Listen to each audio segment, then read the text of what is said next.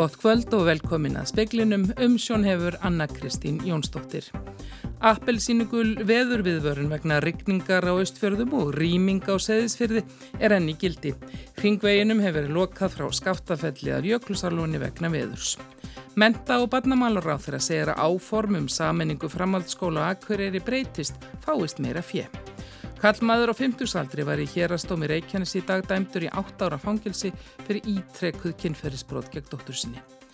Rektor Háskóli Íslands telur að bóða breytingar á fjármögnun háskólana hafi talsverð áhrif á skólastarfið.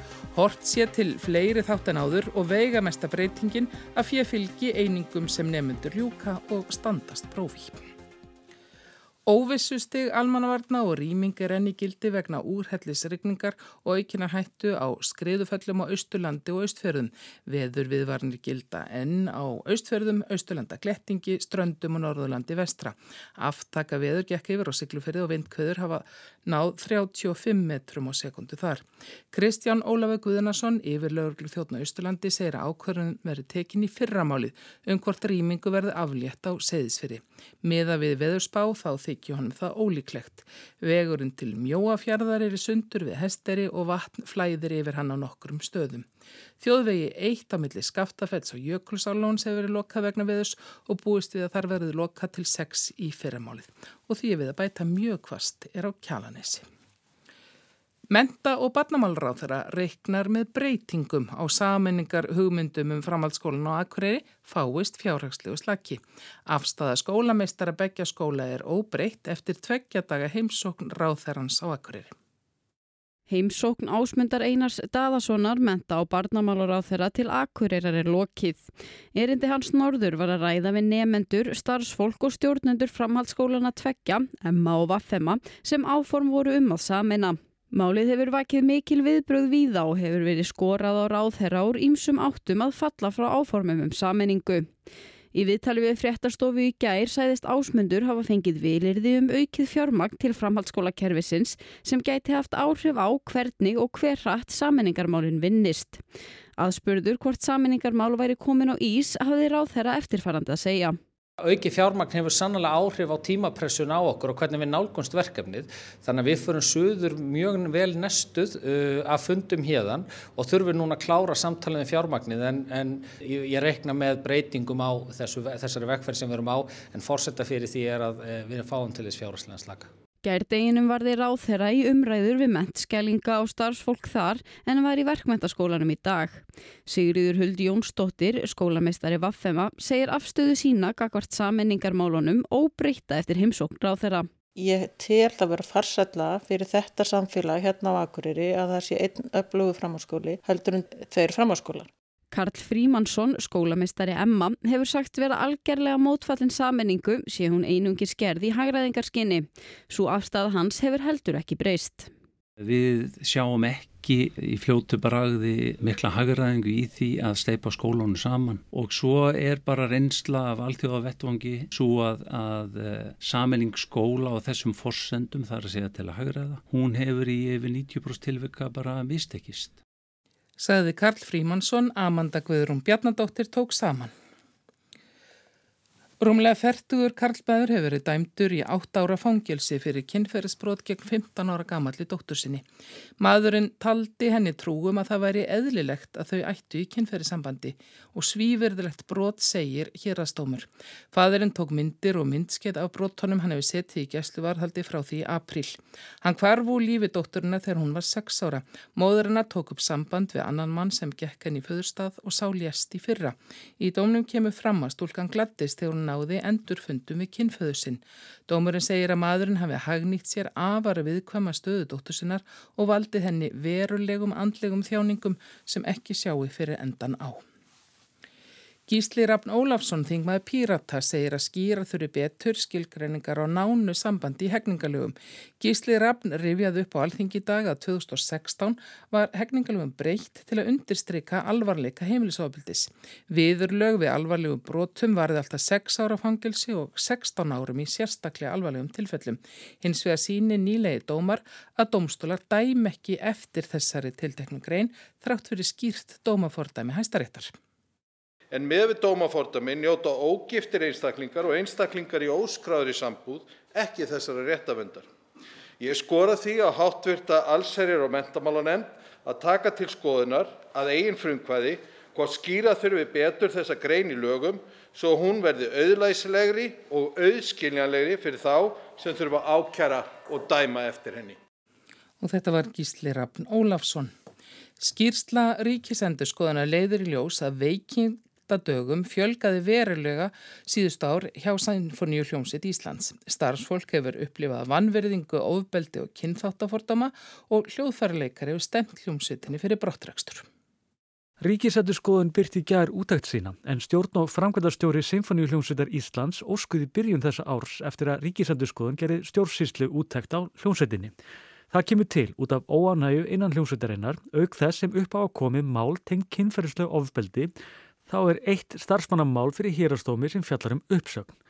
Njörður Sigurjónsson er doktor í menningastjórnun við Háskólan hjá Bifröst. Það er eitt sem hefur breyst sko, í umhverfi svona stopnana sem er sko, kannski miklu meira heldur en COVID og, og, og, og hérna, einstakka mál frá árið til ás sem er bara MeToo-byltingin sem var fyrir nokkrum árum.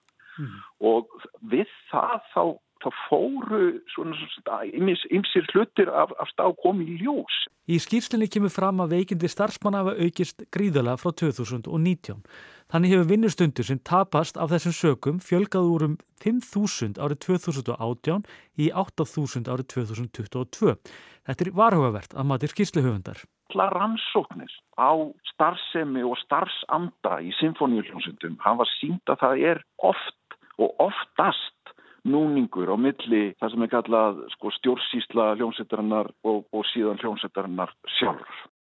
Sagði Njörður Sigur Jónsson, Valur Grettisson tók saman. Borgarfulltróðar er ekki sammálum það hvort setja skuli allsherjar símabann í grunnskólum borgarnar. Máli var rétt, rætt á fundi borgarstjórnar í dag. Það verður spennand að fylgjast með hvort að kennar og aðri starfsmenn finni mikinn mun eftir að skólar eru orðin símalösir. Ég veit reyndar í Östubáðaskóla þurftu þau að bæta við leiktækjum og til það börnin eru miklu meiri að leika sér. Þetta segir Helga Þóraðardóttir, borgarfulltrúi Flokks fólksins um snjálfsímabanni í grunnskólum borgarinnar. Hún er meðal þeirra borgarfulltrúa sem eru hlindir takmörkunum á símanótkun nefnda. UNESCO laði til í júli að snjálfsímar eru bannaðir í grunnskólum. Borgarfulltrúa greinir á hvort borgin eigi að ákveða blátt bann við tækjunum. Pavel Bartosek, borgarfulltrúi viðristnar, er ekki hlindur banni. Hlutverk skóla sé að undirbúa börn fyrir framtíðina og ósennilegt að þeim verði bannað að nota síma þegar út í lífið er komið. Nær væri að kenna börnum til dæmis að leggja frá sér síman við vinnu. Alexandra Brím, borgarfulltrúi Pírata, sagði að það væru ekki endilega tækin sjálf sem væri vandamálið heldur helst samfélagsmiðlar. Afstafa Pírata væri að ekki skildi takast á við breyttan heim með því að loka augunum. Það væri skólanna sjálfra að ákveða hvað væri best að gera. Magni Agná Jóhannsdóttir borgarfulltrúi framsóknar sagði að takmarkalus snjálfsímanótkun barna væri óabyrg. Eðlilegt væri að ákveðin rammi væri settur um hana. Ari Pál Karlsson sagði frá.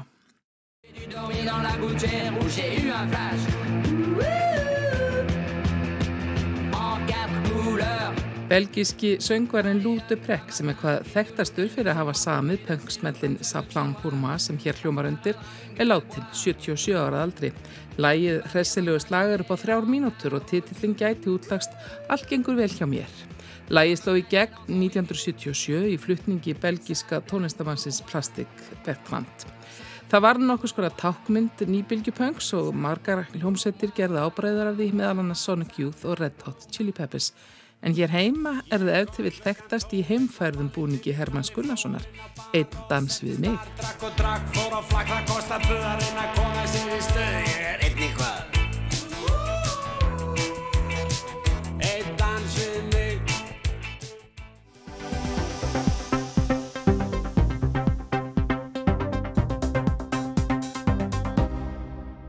Yfirlýsing Justins Trudeau's fórsættisráð þeirra Kanada á þinginu í Ottawa í gær koma flestum rækilega og óvart.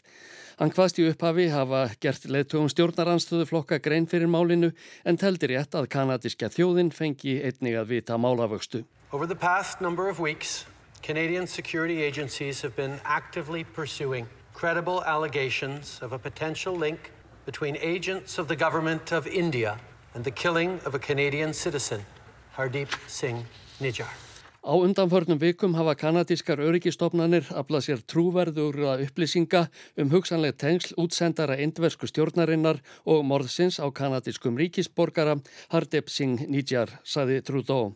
Hann sagði að Kanada væri réttaríki þar sem höfuðmáli skipti að vernda borgarana og tryggja sjálfstæði landsins. Það væri forgangsverkefni lögreglu og öryggistofnana. Í öðru lægi er þið allt gert til að draga morðingjana til ábyrðar. Trúdá hvaðst hafa gert hennar endra móti fórsættis ráþara Índlands grein fyrir málinu á G20 fundinum í nýju deli í síðustu viku. Hann hefði komið af stöðu kanadískra stjórnvalda skýrt og skorinár til skila. Any involvement of a foreign government in the killing of a Canadian citizen on Canadian soil is an unacceptable violation of our sovereignty. Öll aðild erlendra stjórnvalda á morðinu á kanadískum ríkisborgara á kanadískri grundu er ólíðandi brot á fullveldi okkar, saði Trudeau. Hann bætti við að kanadamenn hefðu unnið náið með bandalagsþjóðum sínum við að afla upplýsinga um málið. Hann hvatti indversk stjórnvöld til að gera allt sem er þeirra valdi stæði til að leysa það. Eftir að Trúdó hafði gert grein fyrir stöðumálsins er tilkynnti Milaine Sjóli, utarrikis ráð þeirra, að yfirmanni indversku leini þjónustunar við sendiráðið í Kanada hefði verið vísað úr landi.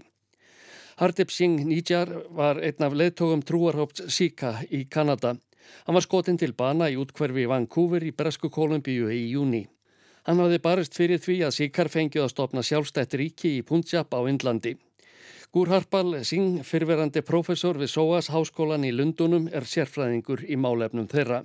The Sikh separatist movement has been in existence in, in one form or another since 1984. Aðskilnaðar hefing Sika hefur starfað með einu með öðrum hætti frá árinu 1984, segir Gur Harpal Singh. Hann segir að á síðustu árum hafi krafan um sjálfstætt ríki kóðuna niður að miklu leiti á Indlandi. Í samfélagi síka annar staðar í heimunum hafi baráttan haldið áfram mismikið þó. En um árþúsundamótin hafa hún virst verið að deyja út. In the latter years of the last decade there were a number of targeted killings um, in the Punjab. Síðustu ár, á síðasta áratug hefur barátta harðlínu manna færti aukan á ný, segir Gurhard Singh. Meðal annars hafi verið nokkuð um aftökur í Punjab sem indverski yfir völd hafi rekið til herskára síkja. Þetta segir hann að hafi valdið vaksandi áhyggjum hjá yfirvöldum engum á þessu ári. Indversk stjórnvöld brúðust hart við ásökunum Justins Trudeaus um að hafa staðið að morðinu og Hardip Singh Nijjar sem þau hafðu sakað um að hafa staðið að hriðiverka árásum á Indlandi. Í yfirlýsingu utanrikis ráðunetisins í nýju deli segir að þær séu tilhæfu lausar, fáránlegar og af pólitiskum rótum runnar. Kanadamenn hafi lengi skotið skjólshúsi yfir hriðjuverka og öfgamenn sem hafi ógnað öryggi indverja. Vegna þessa hefur verið hægt við viðskipta viðræður Kanadamann á indverja um sinnað minnstakosti. Að því er Times of India greinir frá í dag höfðu efnahagssérfræðingar spáð að samningaríkjana um aukinn viðskipti kynnu að leiða til þess að landsframleysla Kanadamanna ykist um 3,8 til 5,9 miljardar dollara á næstu 12 árum. Indverjar svöruðu brottvísun yfirmanns leinir þjónustu þeirra í Kanada með því að vísa hátsettum kanadískum sendifull trúa úr landi. Öryggisarástafanir voru hertar í dag við sendiráð Kanada í nýju deli. Indverskir fjölmiðlar hafa eftir yfirmanni í lögreglunni að engar hótanir hafi borist en vissast þykja að farað öllum með gátt. Ásker Tómasson tók saman.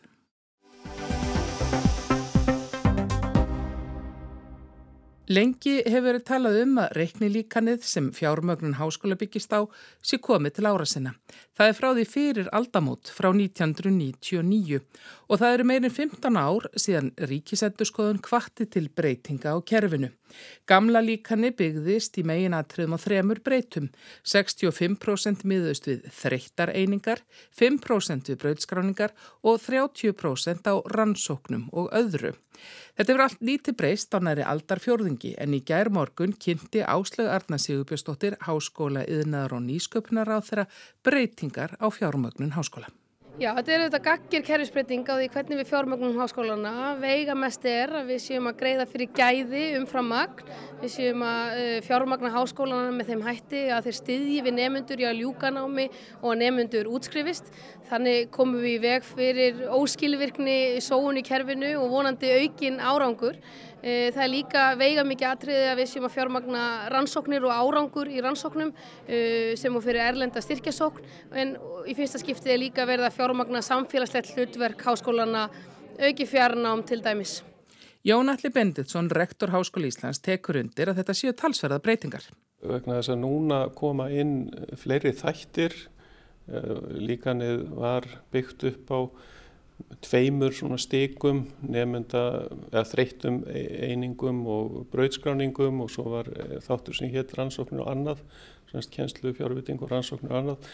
Nú eru komnir inn mun fleiri þættir og það er breyting og þessu er skipt á upp núna í þá kjenslu, rannsóknir og samfélagslega þætti og svona þegar ég horfi yfir þetta þá finnst mér gríðarlega jákvægt að ráð þeirra sé að beita sig fyrir því að koma með reikni líka núna og bara til til að stuttu eftir að hún tekur við ennbætti vegna þess að þetta máli búið að veri eins og þú segir í vinslu frá uh, 2007 þegar Ríkisendur svona góðan kemur sína ábendingu.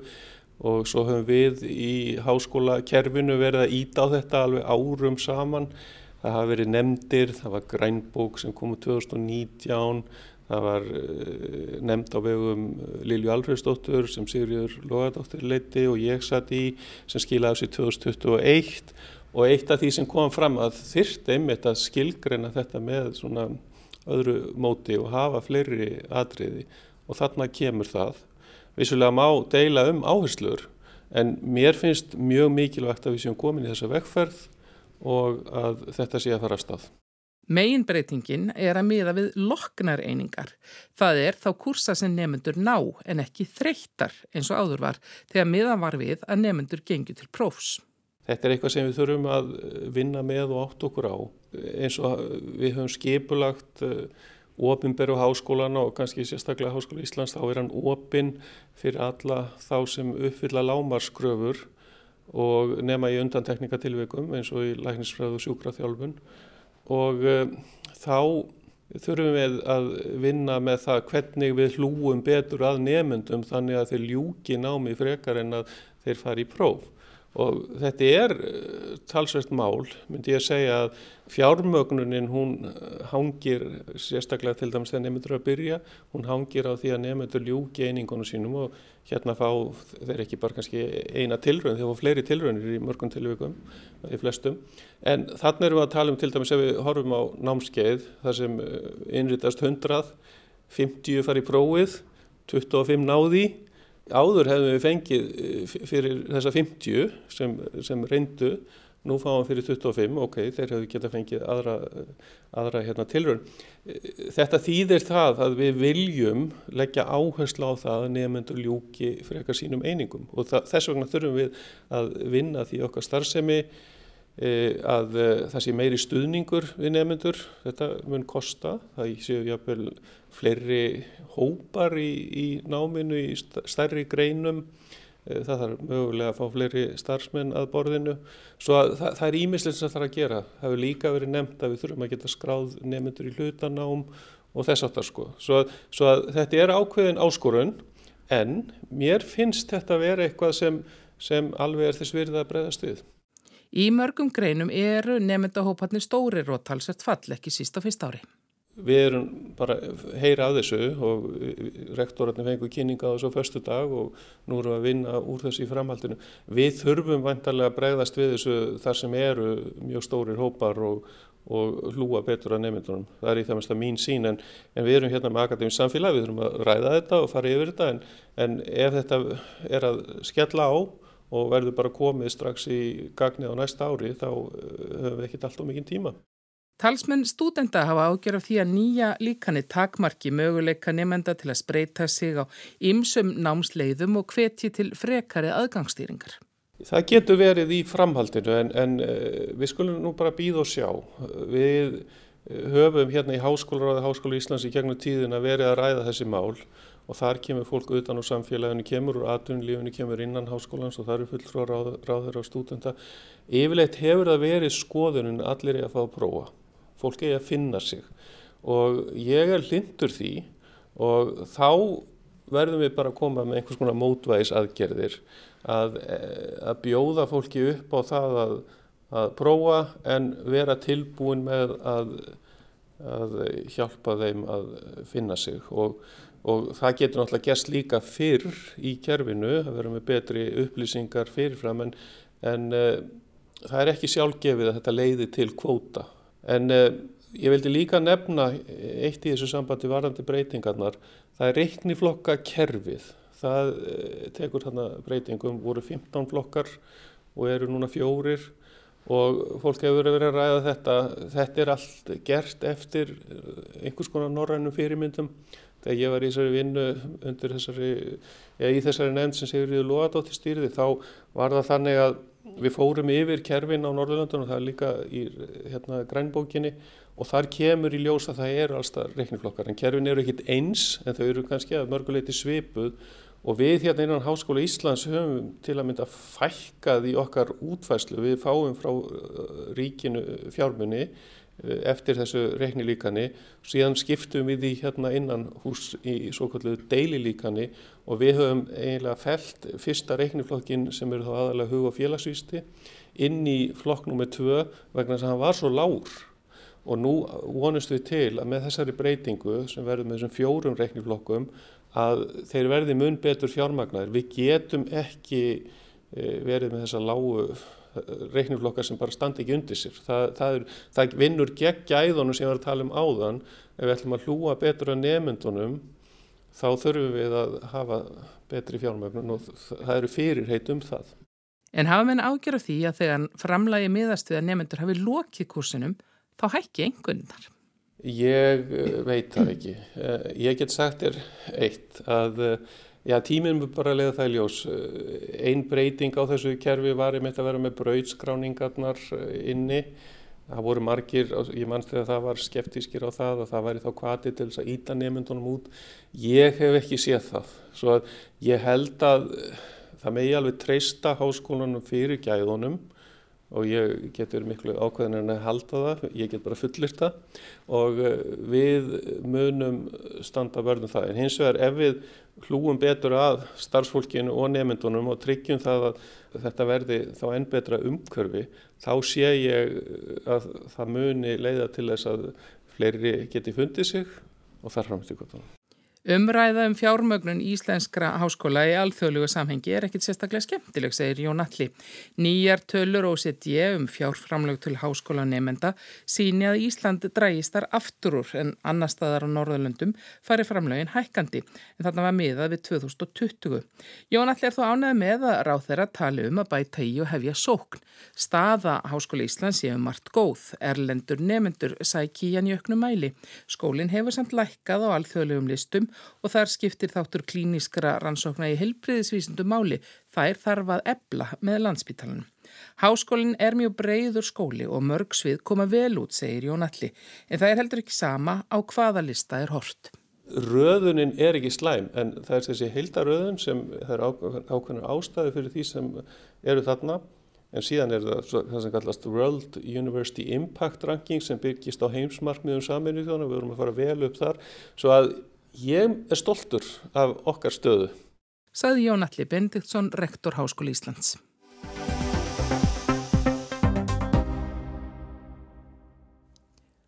Meir en 150 þjóðarleðtóðar eru komnir til New York borgar í bandaríkjunum vegna ráþæraviku, allsherjarþings saminuð þjóðana, með tilherrandi röskun fyrir borgarbúa. Aðalriðtari saminuð þjóðana vonar að þinginu ljúki ekki bara með fögurum fyrirheitum. The high-level week of the General Assembly. It is a one-of-a-kind moment each year for leaders from every corner of the globe to not only assess the state of the world, but to act for the common good. And action is what the world needs now. Þetta er einstakt augnablík á hverju ári þar sem leiðtóa ræðast ekki einungis við, heldur bregðast við. Viðbröður það sem heimurinn þarnast núna. Þetta saði Antonio Guterres, alrittari saminuðið þjóðana við fjölmiðla, í aðdraganda ráþæraviku allseraþings samtakana sem nú er hafið. Þetta er einn viðburðarmesta vika ársins í New York borg þar sem höfustöðar saminuðu þjóðana eru staðsettar, er fjöldi fórseta, fórsetis ráþæra og annara þjóðarleituga frá flestum af 193 aðaldaríkjum saminuðu þjóðana sækir borgina heim til að taka þátt í fundarhaldi og flytja ræður líkt á stjórnmálamönnum einum er lægið. Allseraþingið hófst 5. september. Þá var nýjum fórseta þingsins, Dennis Francis frá Trinidad og Tobago, afhendur fundarhamar sem Íslands stjórnvöld gáði stopninni árið 2005 og hannaður er af Sigriði Kristjánsdóttur listakunum. Þema þingsins í ár er stutt og hnit með að það hætti saminuðu þjóðana. Endurreysn trösts og endurvakning alþjóðleira samstöðu, öfluri aðgerðir í þái áallunar 2030 og sjálfbarni markmiðana um frið, velmögun, framfærir og sjálfbarni fyrir öll. Höfustöðar saminuðu þjóðana er í Midtown hverfinu á Manhattaneyju og því fylgir þessu húlumhægi talsverður höfuverkur fyrir skipulegendur og borgaryfirvöld en yngum og sérilagi fyrir hinn almennan nújörgbúa sem þarf að komast leiðar sinnar sama hvaða fyrirmenni eru þar stödd. Líkt og hvert ár beina borgaryfirvöld þeim tilmælum til þeirra sem þurfa að ferðast um þá borgarhluta sem verða fyrir mestu raski að skilja bílinn eftir heima og nýta almenni samgöngur. Edward Kapan, lauruglustjóri í Nújörgborgar, sæði á bladamannafundi í tilefni að komu þjóðarleitóana að lauruglu væri ekki kunnugt um að neinar ógnir stæðuðu að samkominni. Laurugla verði með eftirlitum borgina alla, ekki aðeins við þingstæðin, en það dvelja þjóðarleitóðanir víða um borgina þó flestir haldi sér skamt frá. Að gæta viðburðarins er þó ekki einungis á forræði lauruglu Nújörgborgar. Bandarisk alryggislauruglan, auðarryggisráðunitið og laurugla saminuðu þjóðana ásamt fleiru taka þátt í því umfangsmikla verkefni. Þrátt fyrir að ráþæra vika allsera þingsins sé stærsti árlegi fundur þjóðuleitua. Halda leitua nokkur og stór þjóða sig heima þetta árið. Meðal þeirra sem heima sitja eru leituar fjögur af þeim fimm ríkjum sem eiga fast sæti í öryggisræðinu.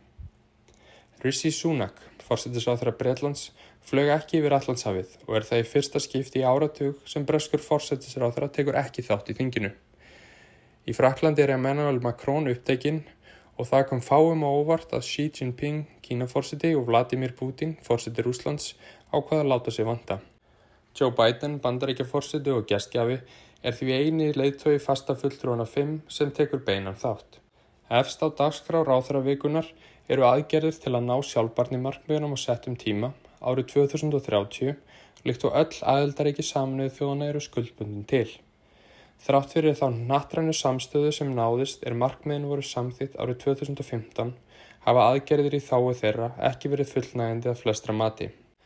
Til þess að uppfylla þessi metnaða fullu markmið þarf að mati Guterres aðalritara að endur skipulegja fjármálakerfi heimsins þau séu óreittlátt og úr sér gengin. Hann hefur áður lagt til að ríkari lönd heims leggja til 500 miljardar dollara í sjóð til að styðja þau ríki sem hafur minnað að móða í viðletni þeirra að uppfylla sjálfbarni markmiðin 17.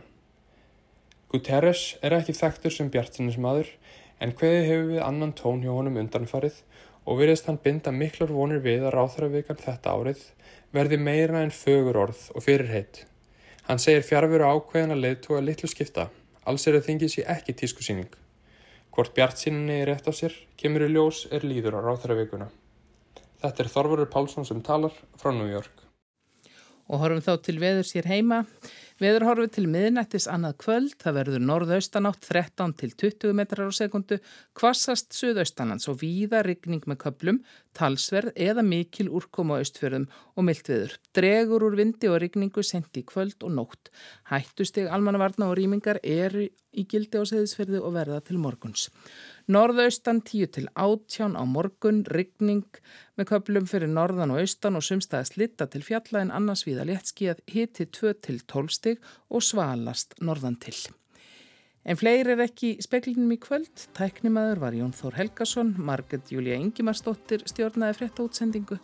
Verðið sæl.